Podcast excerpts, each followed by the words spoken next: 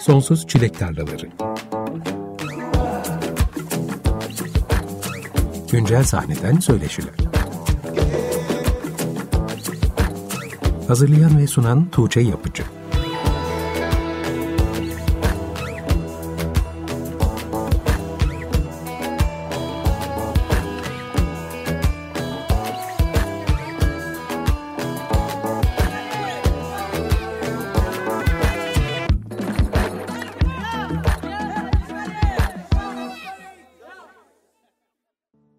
Herkese iyi akşamlar. 95.0 Açık Radyo'da Sonsuz Çilek Tarlaları programındasınız. Bu hafta yine çok sevdiğim, senelerdir takip ettiğim bir şarkıcı, şarkı yazarı konuğum var.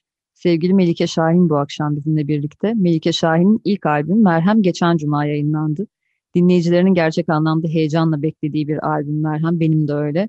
İlk olarak albümden Hepsi Geçti adlı şarkıyı dinledik. Melike hoş geldin. Hoş bulduk Tuğçe. Nasılsın görüşmeyle? Epey zaman oldu. Son bir sene nasıl geçti? Valla son bir sene e, albüm koşuşturmacalarıyla geçti. Bir yandan da şimdi sen e, giriş yaparken şeyi düşündüm. Ben ilk single'ım yayınlandığında da senin eski programına konuk olmuştum. Değil mi? İki kere falan oldum galiba. İki kere radyo programı yaptık. Bir kere Açık Radyo'da, bir kere daha önce başka bir radyoda. Evet. Ve e, şimdi şey biraz gururlandım bu e, programda albümle ya albüm için buluşmuş olmak beni böyle bir heyecanlandırdı şimdi. Ben de iki programı da dinledim dün akşam kayıttan önce. Önce bir çalışıyorum, hatırlıyorum. Şimdi oradan referanslar da geleceğim hatta sana programda. Ay kim bilir neler söyledim. evet. Neler yaptın son bir senede? Son bir senenin ilk üç ayı hatırlıyorum. İşte Kitli Kapılar Açılsa, Babylon konserim. Zaten Türkiye'de ilk Covid-19 vakası açıklandıktan bir gün sonraydı benim konserde. Ondan sonrası malumunuz böyle bir durağanlık. Sonra Mayıs'ta artık dedim ben albüm yapacağım galiba. Yoksa e, akli dengemi sağlam bir yerde muhafaza etmek zorlaştı. Uğraşacak bir iş istedim galiba her şeyden önce. Sonraki e, aylar boyunca da Merhem için çalıştık durduk. Peki ilk single'larını 2017'de official olarak yayınlamaya başlamıştın. 2018'in hemen başında yaptığımız radyo programında albümün isminin Merhem olacağını zikrettiğini hatırlıyorum. Evet. Merhem senin tutuşmuş beraber parçanın sözlerinde de geçen kelimelerden biri. Yaşa. O zamandan beri bir ilk albüm fikri olduğunu ama doğru zamanı beklediğini biliyorum. Beni şaşırtan şey onca zamana rağmen albüm ismi konusundaki kararlılığın. Çünkü normalde ben çoğu albümün isminin çıkmadan önce duyuyorum sanatçılardan. Ama o hazırlık sürecinde sanatçıların fikirleri değişiyor ve bambaşka bir isimle çıkıyor genelde albümler. Senin albümün isminin gerçekten merhem olacağını öğrenince bu konudaki ısrarın dikkatimi çekti. Nedir senin merhemle kurduğun ilişki? Ne zamandan beri biliyordun ilk albüm isminin merhem olacağını? Valla çok uzun zamandır biliyordum. Adını ilk nerede koymuştum ben hatırlamıyorum ama çok yeni birkaç ay önce bir arkadaşım hatırlattı. Ee, kısaca anlatayım. Kurtlarla koşan kadınları okurken işte içinde merhem lafı geçen bir e, cümle görüyorum. Sonra da Aslı'ya dönüp şey diyorum. Aa merhem ne kadar güzel bir albüm ismi olur değil mi?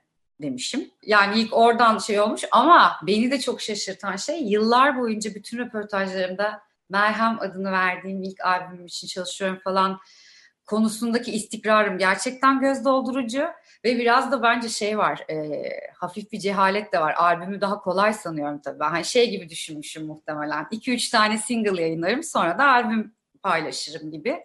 Neyse ki öyle yapmadım. Çok memnunum öyle olmadığı için. Çünkü bu sayede hakikaten her şarkısı ve her şeyiyle hem görsel hem e, işitsel anlatısı böyle tutarlılığı falan aşırı hoşuma giden bir iş hazırlamış oldum. E, isim konusunda bu kadar ısrar etmemin bir diğer sebebi de ben şarkı yazmadan önce de hep kendime bir tane bir şey soruyorum. Şu anda ne anlatmak istiyorum bunu yazıp oradan çıkıyorum yola. E, albümde de oradan çıktım yola. Ben ne anlatmak istiyorum? Dinleyicime ne söylemek istiyorum? Ve söylemek istediğim şeyin şu olduğunu fark ettim. Artık belki böyle bana da çok yakıştırılan ve de yapıştırılan hüzünlülük, efkar ve sadece o duyguya eşlik etme halinden biraz ya benim her halimi kapsamadığını e, fark ettim. Biraz da o yaraları iyileştirmek için neler yaptım nasıl iyileştim? Ee, yazmak, söylemek bana nasıl iyi geldi ve bunu nasıl böyle, yani sitem ve e, efkar yerine bir iyileşme ihtimalini beraberce araştırabilir miyiz? Onun şeyiyle yani ilk ateşin fitilli orasıydı benim için. O yüzden de Merhem ismi hala aradan geçen e, senelere rağmen 5 seneye rağmen hatta 6 seneye rağmen bir şekilde benim için ağırlığını ve yaptığım müziği temsil etme e, şeklini korumuş oldu. Mutluyum öyle olduğu için. Sanatçılarla aramızda ilk albümün günahı olmaz diye bir deyiş var. Genellikle kayıt dışında konuşuyoruz işin bu kısmını ama çünkü genellikle sanatçıların içlerine çok da sinmiyor ilk albümleri. Belki şartlar el vermiyor ve prodüksiyon anlamında her zaman herkes tüm arzuladığı şeyleri gerçekleştiremeyebiliyor. Ama senin tam anlamıyla içine sinen, güvendiğin bir ilk albüm olduğu anladığım kadarıyla. 2018'in ilk günlerinde yaptığımız söyleşide demişsin ki Merhem albümü büyük ihtimalle 2018'in son çeyreğinde yayınlanacak. Oy oy oy oy. Bizi 2021'in ilk çeyreğine kadar bekleten şey neydi? Bizi 2021'in ilk çeyreğine kadar galiba Melike'nin biraz daha derlenip toparlanmasını beklemiş olabiliriz. Aslında burada e, sanatçı Melike'den çok Total Melike'nin benim kendim e, yürüdüğüm, geçtiğim yollarla biraz ilişkili oldu galiba.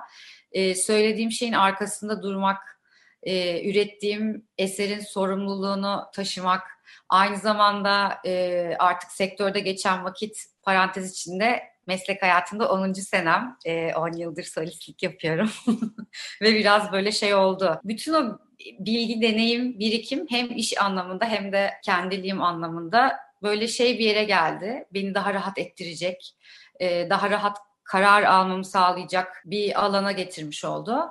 Nasıl desem yani çalıştığım aranjörler bu albümü beraber yaptığım tüm sanatçılar yani beni onlarla bir şey üretmeyi teklif edecek cesarete gelebilmem de biraz uzun sürmüş bence. Şimdi baktığımda öyle düşünüyorum. Ama neyse ki e, 2018'in son çeyreğinde çıkarmamışım bu albümü. Çünkü o zaman ilkin günah olmaz diye kendimi sakinleştirmeye çalışırdım. Ama şimdi çalışmıyorum. Çok günahsız bir ilk yaptım. Kafam rahat. Aslında hep bu albümün prodüktörünün Can Güngör'ün yapacağını konuşuyorduk ama sonuçta ortaya prodüktörlüğünü ve sanat yönetmenliğini senin üstlendiğin bir albüm çıktı. Albümde yine Can Güngör, Mabel Matiz, Emre Malikler gibi isimlerden oluşan Hı-hı. geniş bir kadroyla çalıştığını görüyorum. Kimlerin emeği geçti bu albümde ve her şarkıda farklı biriyle çalışmak yapım süreci nasıl şekillendirdi? Ne kadar güzel bir soru. Evet hep Can'la yapacağımı düşünüyordum. Çünkü ben ilk şarkı yazmaya başladığımda onunla beraber çeki düzen veriyorduk. O parçalara e, nasıl soundlar hayal etsek. Yani daha en başında o vardı ve ben hep canlı yaparız herhalde ilk albümü diye düşünmüştüm. Ama Öyle olmadı. Hayat bir şekilde e, çeşitli yoğunluklar falanlar farklı farklı yerlere gelmiş olduk. Ama az kalsın öpmem lazım yani Can'ın Emre ile birlikte aranje ettiği parça da yani son anda girmiş oldu. E, Can'ın da kendi albümü vesaire başın dolu olduğu bir süreçti çünkü. Şimdi bu sefer yani altına girdiğim senaryoda şöyle bir şey var. Sabi Saltel, Emre Malikler, Elif Dikeç, Can Güngör, Div Sanders ve Uri Browner Kinroth bütün e, beraber çalıştığım prodüktör arkadaşlarım. Hiçbirinin birbiriyle alakası yok.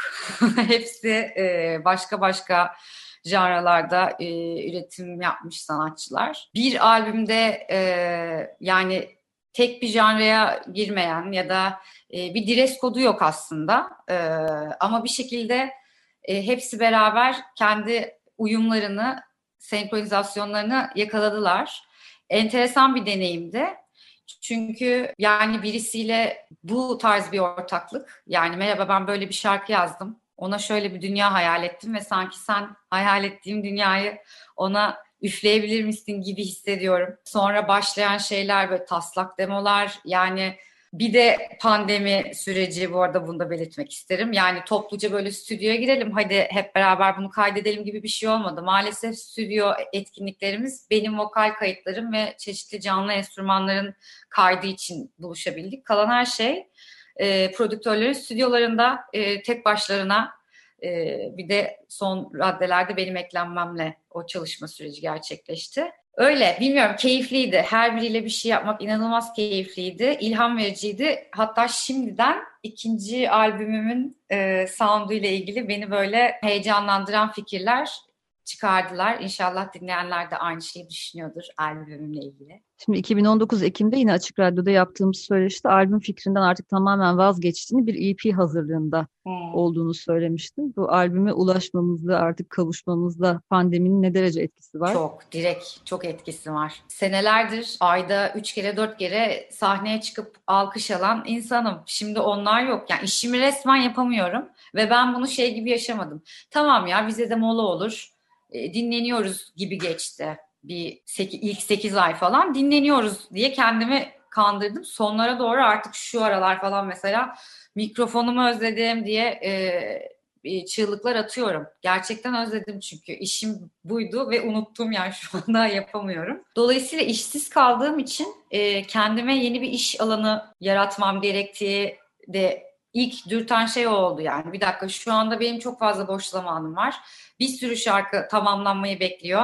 Ben EP'lerden bir şeylerden bahsediyorum. Hadi o zaman e, let's go diye şey yaptım. Kendimi attım ateşlere. Peki albümden konuşmaya devam edeceğiz ama şimdi bir parça dinleyelim. Hı hı. Uykumun Boynunu Bükme adlı aslında 22 Ocak'ta yayınlanan albümün ilk single'ıydı bu parça. Hı hı. Şimdi albümde de yer alıyor. Parçayı dinleyelim Melike Şahin'den ardından sohbetimize devam edeceğiz. 95.0 Açık Radyo'da Sonsuz Çilek Tarlaları programı devam ediyor. Melike Şahin'den Uykumun Boynunu Bükme dinledik. Bu şarkıyla ilgili anlatmak istediğim bir şeyler var mı Melike? Valla anlatayım seve seve birkaç bir şey. Bu şarkı benim gitarla yaptığım ilk şarkım. Yaparken böyle 9-8'lik bir balat gibi düşünmüştüm. Çok daha yavaştı bu dinlediğiniz versiyona göre. Ee, sonra parçayı Can Güngör ve Cihan Mürtezaoğlu'yla işte o dönem demosunu hazırlamaya çalışıyorduk. Uri'ye de ben o demoyu yolladım. Can ve Cihan'ın yaptığı demoyu. O da hatta Can'ın ortada e, 9-8'den 5-8'e geçme ve orada ayrı bir akış yaratma fikri vardı. Uri onu kullandı. E, onu şey yaptık, muhafaza ettik bu versiyonda da. Ama o kadar hızlandırdı ki tempoyu. Şarkı bambaşka bir e, yere bambaşka bir sound'a kavuştu. Bana böyle şey çok Türk filmlerini hatırlatıyor. Böyle kalabalık e, aileler ve şey ortada e, şey yemek masalı evler falan aklıma geliyor. O yüzden böyle çok tatlı buluyorum ama insanlar acaba ne düşünecek diye bir endişelenmiştim bir dönem. E, bu kadar çok sevmeleri de çok hoşuma gitti. İlk bu parçayı dinleyince albüm bütün sound'unun bu şekilde olacağını düşünmüştüm ben de ama albüm sürprizlerle dolu bir şekilde geldi. Evet. Bu arada albüm Diva Bebe Records ve Gül Baba Records etiketiyle çıktı. Diva Bebe zaten senin mahlasın gibi olmuştu bir süredir. Dinleyicilerin evet. de sana böyle hitap ediyordu. Gül Baba da başından beri çalıştığın, uzun bir ortak geçmişiniz olan sevdiğiniz bir menajerlik şirketi. Hı hı. Şimdi artık Gül Baba Records olarak pandemi döneminde bir label'a da evrildiler. Bu albümle birlikte mi kuruldu Diva Bebe Records? Diva Bebe Records aslında benim şimdilik tam resmiyete kavuşmadı. Yapımcı Melike'nin şirketi olarak, hayali şirketi olarak şu anda e, aramızda. Ama ileride düşünüyorum bir label kurmayı. Ve tam hani Gülbaba'da bir artık label olma yolunda çeşitli e, adımlar attıktan sonra e, ben de daha önceki single'ları Sony Müzik'ten çıkarmıştım hatırlıyorsun. Sonrasında ben de bağımsız ilerleme taraftarı oldum. Açık malum sebeplerden artık ürettiğim işten kazandığım noktasında çağ buralara gelmişken 2021 senesinde artık e, onunla ilgili yani söz haklarımın arkasında olmak istediğim için e, bağımsız yayınlamaya çok e, takmıştım kafayı ilk albümümü. Sonrasında da artık yolun bir noktasında da e, Gülbaba ile dedik ki neden güçlerimizi birleştirmiyoruz ve birleştirdik. E, çok da mutluyum. İnşallah hem bana hem onlara e, uğurlu gelir bu ilk albüm. İlkler kavuşması gibi oldu. İnşallah uğurlu gelir hepimize. Peki yalnızca Melike Şahin'in işlerini yayınlamayı planlayan bir label olarak mı Hayır. düşünmeliyiz? Yoksa evet, başka sanatçıların işlerini de göreceğiz herhalde bu etikette. Ben evet çok isterim, çok isterim. İnşallah bir gün becereceğim. Yani şey bana çok mantıklı gelmiyor. Hani bir tane label kurup oradan sadece kendi işleri e, paylaşmak. Ya o üretim alanını genişletmek bana hep çok heyecan verici gelmiştir. İnşallah öyle bir şeye de evireceğim ileride. Planlarım dahilinde. Peki albüm Serim adlı 1 dakika 20 saniyelik bir şarkıyla başlıyor. Hepsi geçtiğiyle evet. birlikte albümün iki çıkış parçasından biri. Evet. İlk şarkıyı intro diye adlandırmaktansa edebi anlatılarda karşılaştığımız Serim Düğüm Çözüm bölümlerinin ilki olan Serim adını vermiş olman albüm bir hikaye olarak kurguladığının sinyallerini Hı-hı. veriyor. Bu anlamda çok özgün bir tercih olmuş bence. Albümdeki hikayenin tümünü nasıl özetlersin, nasıl parçalara ayırırsın albümü? Mesela düğüm nerede bitiyor, çözüm nerede başlıyor? Ay çok tatlı. Ne kadar güzel bir soru. ya albümün bir girişi olmasını, enstrümantal bir girişi olmasını hep ben yıllarca hayal etmiştim. Ee, ve o introya bir şeyler yazacağımı da. Selim benim kardeşimin ismi. Ee, ve şey yani manasını ve böyle hani şey yeni başlangıç falan gibi yerlerden okuyarak annemle babam e, ona bu ismi vermişlerdi. Teyzemin bir e, arkadaşının da ismiydi. Çok sevdiğimiz bir hanımefendinin. E, neyse sonra ben de şey dedim. E, albümü şöyle açmak istiyorum. Hem kardeşime hem e, manevi kardeşlerime hem de beni dinleyenlere e, bir şey söyleyeyim. Ee, ve benimle gelsinler. Çünkü bu albümde ilginç bir şey denedim. Alışık olmadıkları bir soundda duyacaklar beni.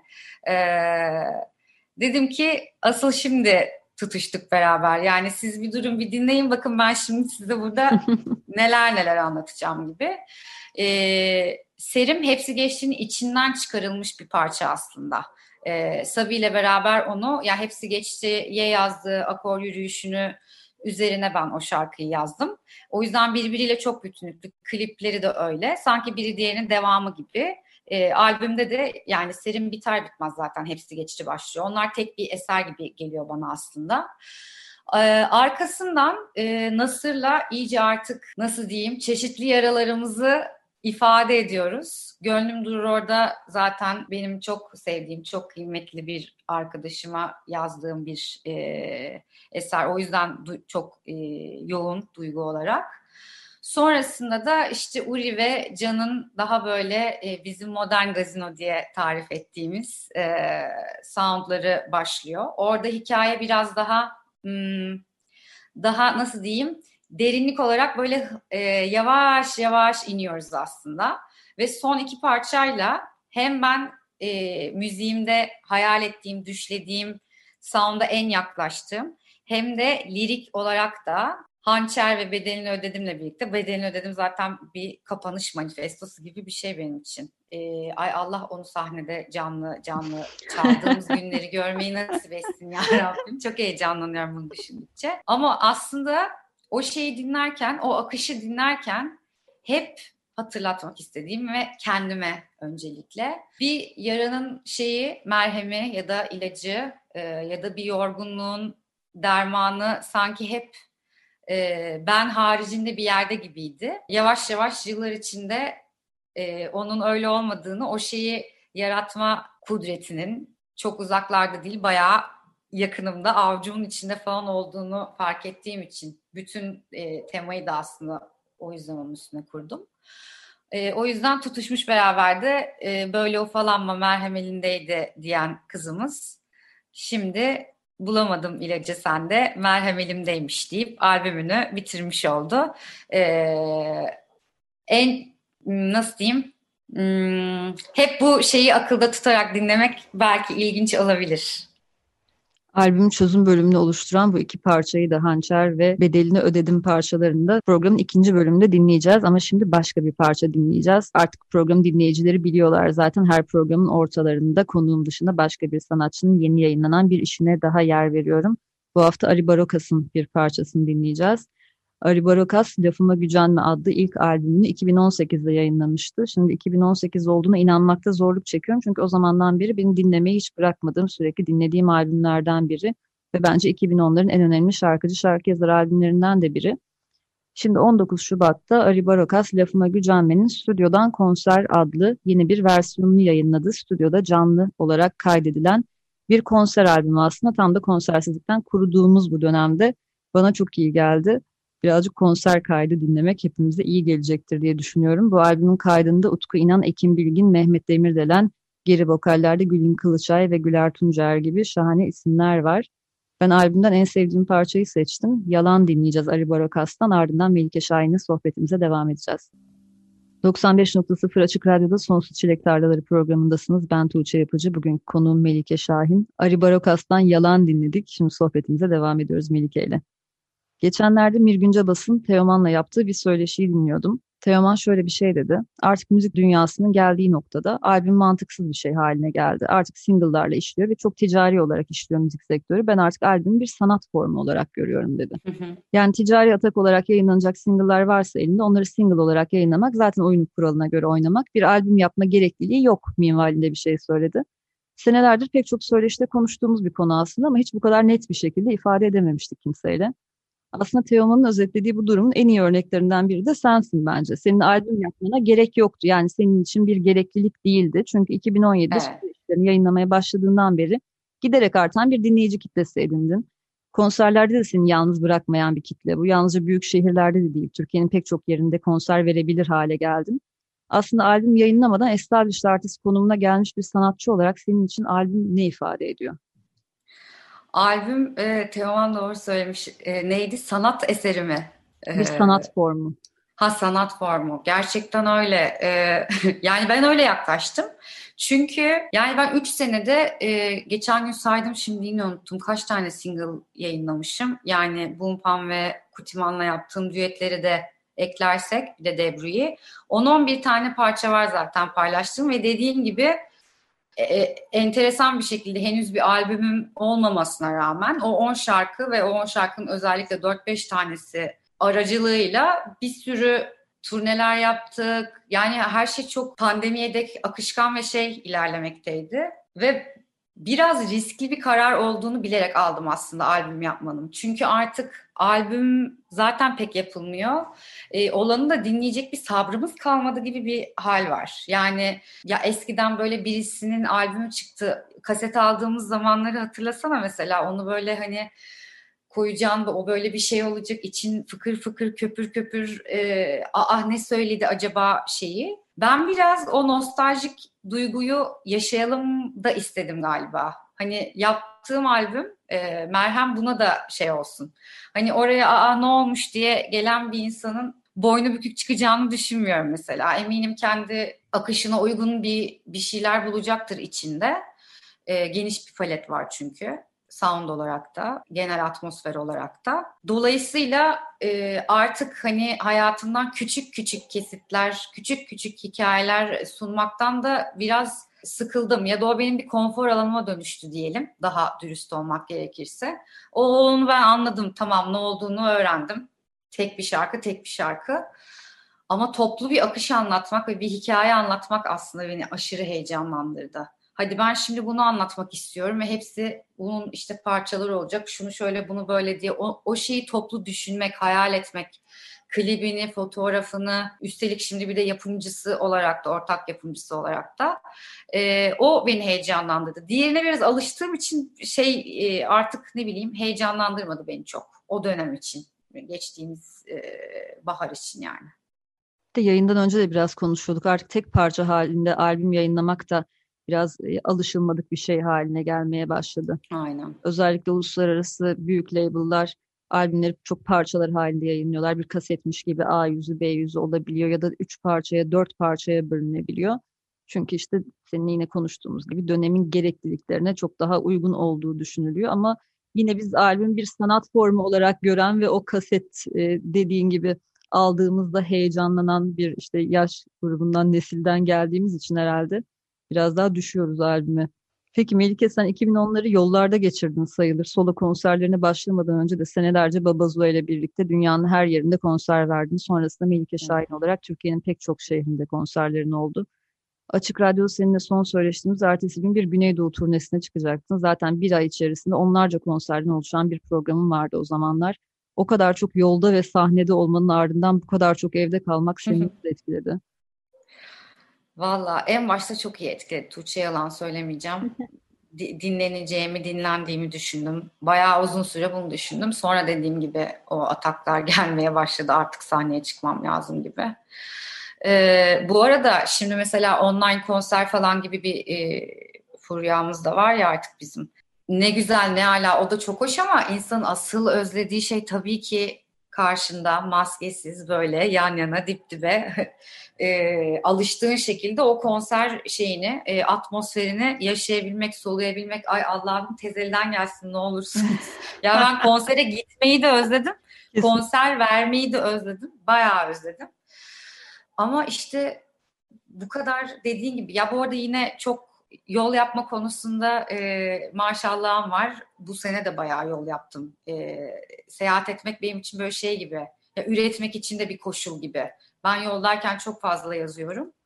Ama şu anda geldiğim noktada yollara çıkamamak, e, turnelere çıkamamak, konser yapamamak artık yağdır Mevlam su diye dolaştığımız bir noktaya geldik. Yani gerçekten zorlaşmaya başladı. İnşallah bu yaz toparlar biraz ortalık. Az önce senin de söylediğin gibi son bir senede pandemi nedeniyle fiziksel konserler gerçekleşemeyince online konserler, canlı yayınlar arttı. Programa konuk olan sanatçılarla bu canlı yayınlara dair hislerini, yaşadıkları teknik veya psikolojik zorlukları hep konuşuyoruz. Senin farklı bir durumun var çünkü sen bu canlı yayınlara çok daha erken başlamıştın. Evet. Benim hatırladığım 2018'den beri hem Instagram üzerinden yapıyordun hem de YouTube üzerinden yaptığın istek parçaları alıp okuduğun yayınlar oldu. Bu dönemde de sabah sabah Melikko yayınların epey ilgi hmm. gördü. O yüzden herhalde sen bu süreçte canlı konser yayınlarına adaptasyon sorunu yaşamayan nadir sanatçılardansın. Geçen ay Gökhan Türkmen konuğum olmuştu. O da isabetli bir tespit yapmıştı. Bu canlı yayınları aslında fiziksel konserlerle karşılaştırmamak lazım. Yani Aynen. Bir şey gibi bir şey söylemişti. Çoğu sanatçı seyirciyi görmeden zorlandığını ya da aynı tadı alamadığını söylüyor. Sende nasıl işliyor o canlı yayınlarda süreç? Benim Instagram'da yaptığım şeyler zaten küçük birer dinleti diyelim onlara. Ee, ben hiç evden e, müzisyen arkadaşlarımla yayın yapmadım. Bir kere Fotini ile yaptım galiba.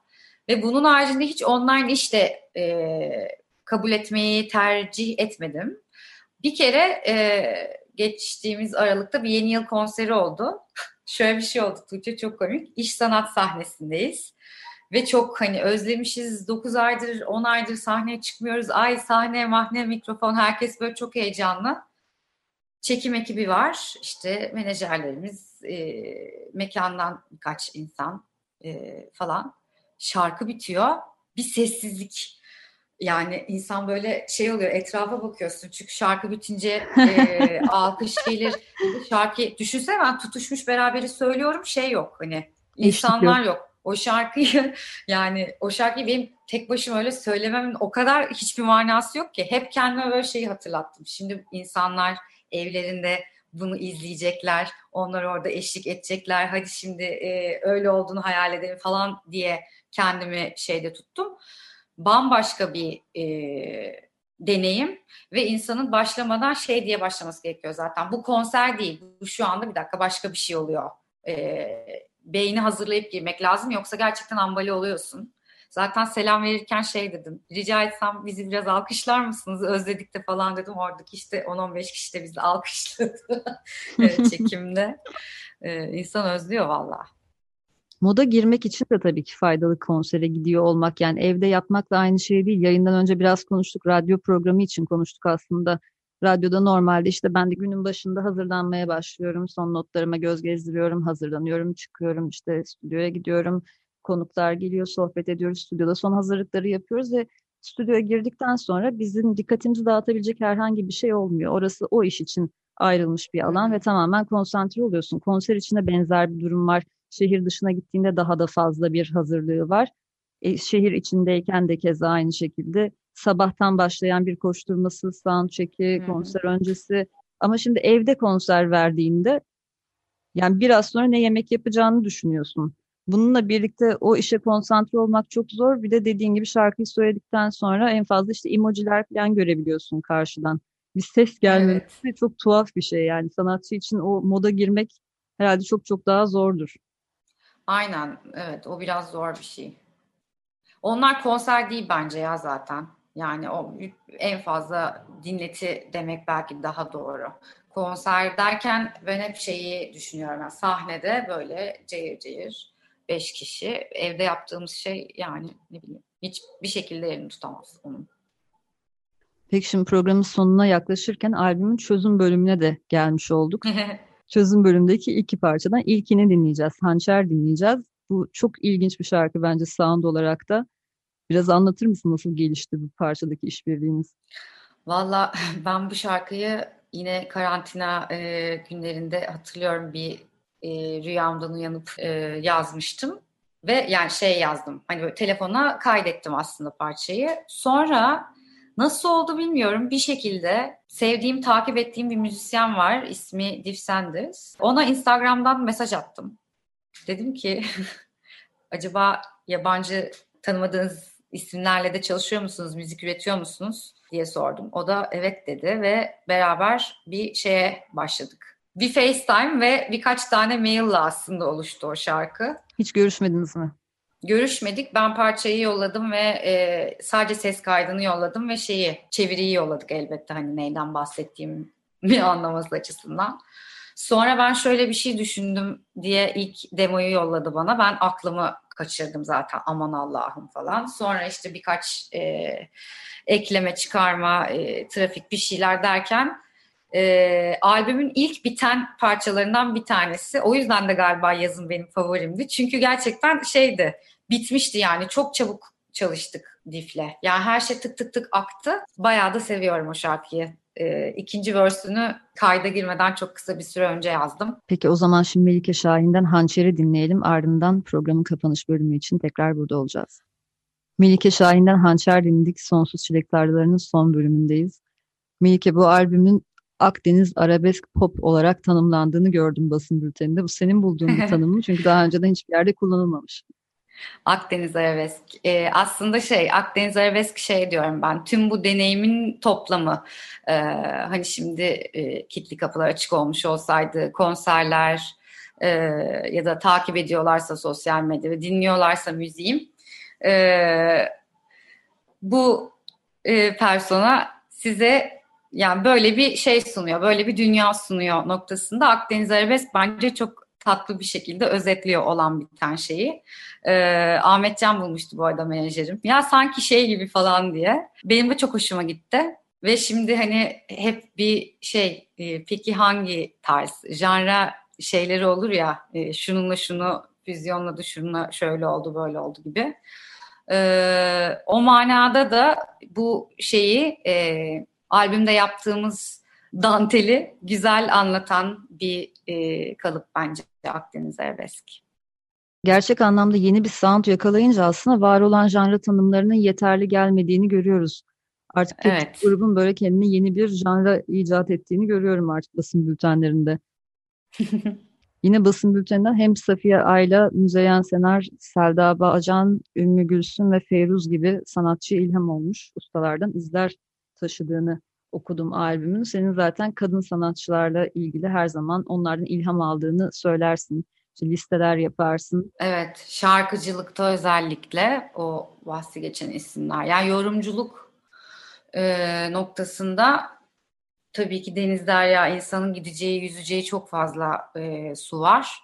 E, o bahsi geçen isimler de yani ben bir şarkının bir şarkıcının kendine has bir şarkıcılığının olmasını önemsiyorum. Ve orada bahsi geçen hanımefendilerin hepsi de sahnede onları izlediğinde böyle bir e, nasıl diyeyim tüylerin diken diken olur o şeyi görmek. E, o yerle bütünlüğü ve gökyüzüne çok kolay uçup uçup e, geri yere inebilmeyi benim kendime ilham aldığım alanlarda onların seslerinden geliyor hep.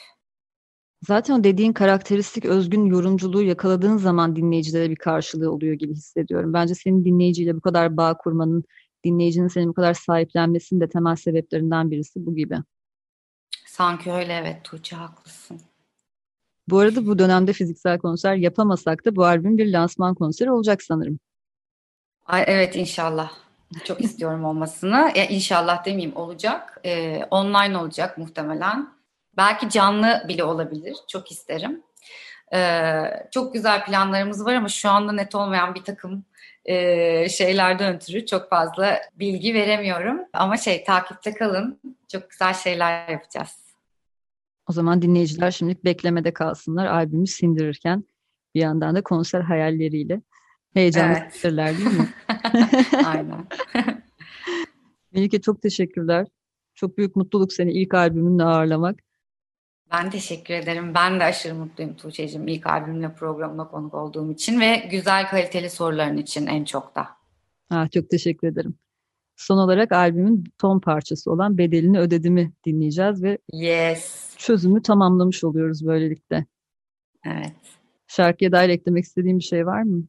Az önce biraz bahsettin gerçi ama. Evet, bu şarkıyla ilgili bir arkadaşıma buradan selam yollamak istiyorum. Şarkımın aranjörü ve eş bestecisi Elif Dikeç harika bir iş çıkardı bence. Manifestomu canım arkadaşımla e, hayata geçirdiğim için çok memnunum. Onu söylemek isterim. Bu kadar.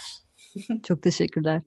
Bu haftalık Sonsuz Çilek Tarlalarının sonuna geldik. Ben Tuğçe Yapıcı. Bu akşam konuğum Melike Şahin'di. Melike ile geçen cuma yayınladığı Merhem adlı ilk albümünü konuştuk. Son olarak Melike Şahin'den Bedelini Ödedim dinleyeceğiz. Bizden sonra Açık Radyo'da yayın Vertigo programıyla devam edecek. Gelecek pazartesi aynı saate görüşünceye kadar hoşçakalın. Hoşçakalın.